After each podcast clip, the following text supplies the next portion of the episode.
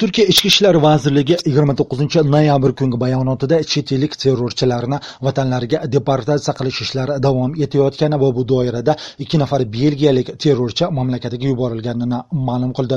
Ushbu jarayon joriy yilning 11 noyabrida boshlangan ammo ba'zi yevropa davlatlari anqaraning bu boradagi qaroridan mamnun emas.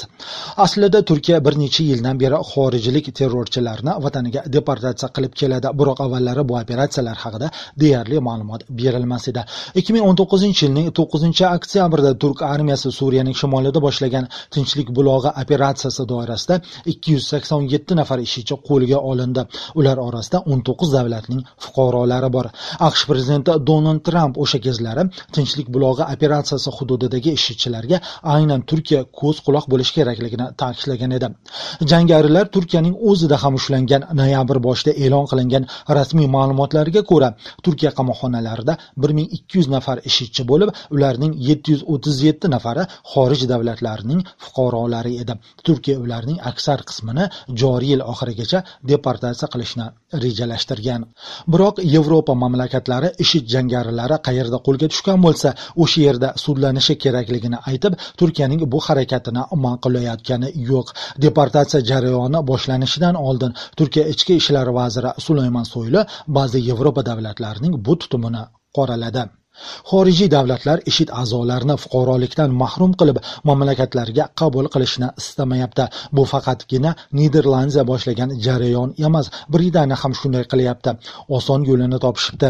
IShIDchilarni fuqarolikdan chiqarib fuqaroligi yo'q kishilarga aylantirishyapti. Bizning qo'limizda nafaqat niderlandiyalik va britaniyalik balki boshqa davlatlarning fuqarosi bo'lgan lekin ular qabul qilmagan yoki fuqarolikdan chiqargan jangarilari bor. Bu mas'uliyatsizlik terrorchilikdir sizning terrorchilarni biz nima qilamiz qayerda saqlaymiz? Biz birovlarning ishchisining mehmonxonasi emasmiz. Aytaylik terrorchini qamoqxonada saqladik keyin u ozodlikka chiqdi. Sizning terrorchiga biz fuqarolik berishimiz kerakmi? Deganida turkiya ichki ishlar vaziri anqaradagi matbuot anjumanida. Belgiyadagi egmont tadqiqot instituti ma'lumotiga ko'ra 2011 yildan beri taxminan 5300 yevropalik ishidga qo'shilish uchun iroq va suriyaga borgan. Endi esa ba'zi yevropa davlatlari ularni qaytarib olishni istamayapti. Istalmayotganlar nafaqat terrorchilar balki ularning oilalari hamdir. Turk matbuotida e'lon qilingan ma'lumotlarga qaraganda turkiya deportatsiya qilmoqchi bo'lgan xorijlik ishchilar orasida markaziy osiyo davlatlari fuqarolari xususan 82 o'zbekistonlik va 10 nafar qozog'istonlik ham bor. Qozog'iston joriy yil boshidan beri 300 dan ziyod fuqarolarni Suriyadan olib keldi. O'zbekiston ham may oyida 156 nafar fuqarosini, asosan ayollar va bolalarni Suriyadan qaytardi. Mamlakat tashqi ishlar vaziri Abdulaziz Komilov sentyabr oyida BMT Xavfsizlik kengashidagi nutqida Iroq va Suriyadan yana 235 nafar O'zbekiston fuqarosi olib kelinishini ma'lum qildi. o'zbekistonliklar ishid singari terrorchi tashkilotlarga qanday qilib aralashib qolgan xorijdagi diniy ta'limda dargohlaridan birida tahsil olayotgan va ismi oshkor etilishini istamagan o'zbekistonlik amerika ovozi bilan suhbatda bu holatni asosan insonlarning diniy bilimga bo'lgan ehtiyoji qondirilmagani bilan bog'ladi. Bunga johillik dinning to'g'ri o'rgatilmagani sabab bo'ldi. Islomga bo'lgan talpinish bizga ota bobolarimizdan o'tgan. Agar ana shu talpinish qondirilmasa odamlar har xil noto'g'ri yo'llarga kirib ketadida. Odamlarimizning ishitga qo'shilib ketishiga to'g'ri diniy ta'lim beradigan dargohlarning juda ozligi ommaning ehtiyoji esa qondirilmagani ma'naviy bo'shliq sabab bo'ldi. Islomni qur'onni qanday anglash kerak? Shariatni fiqhni islom huquqshunosligini qanday tushunish kerak? Ana shu narsalar to'g'ri o'rgatilmadi odamlarga. Oqibatda ular internetga kira boshladi. Har kim dinni o'zicha tushunadigan bo'ldi. Ekstremist radikal kayfiyatdagi o'zi dinni bilmaydigan kishilar odamlarimizga ta'lim bera boshladi.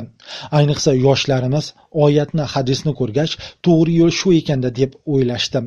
Dinni o'rganmoqchi bo'lganlarga masjid yoki madrasalarda ta'lim olish kafolatlanganida edi.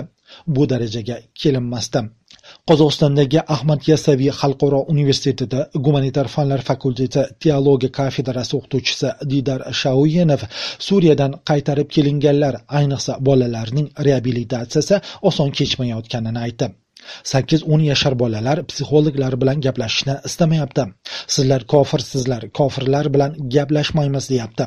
Bu turishda ochig'i kelgusida ularning jamiyat uchun xavfli shaxslarga aylanmasligiga ishonchimiz komil emas. Kattalari sudlanyapti. Aybdor deb topilganlar ozodlikdan mahrum etilyapti. Oralarida o'n o'n besh martalab turmushga chiqqan ayollar bor.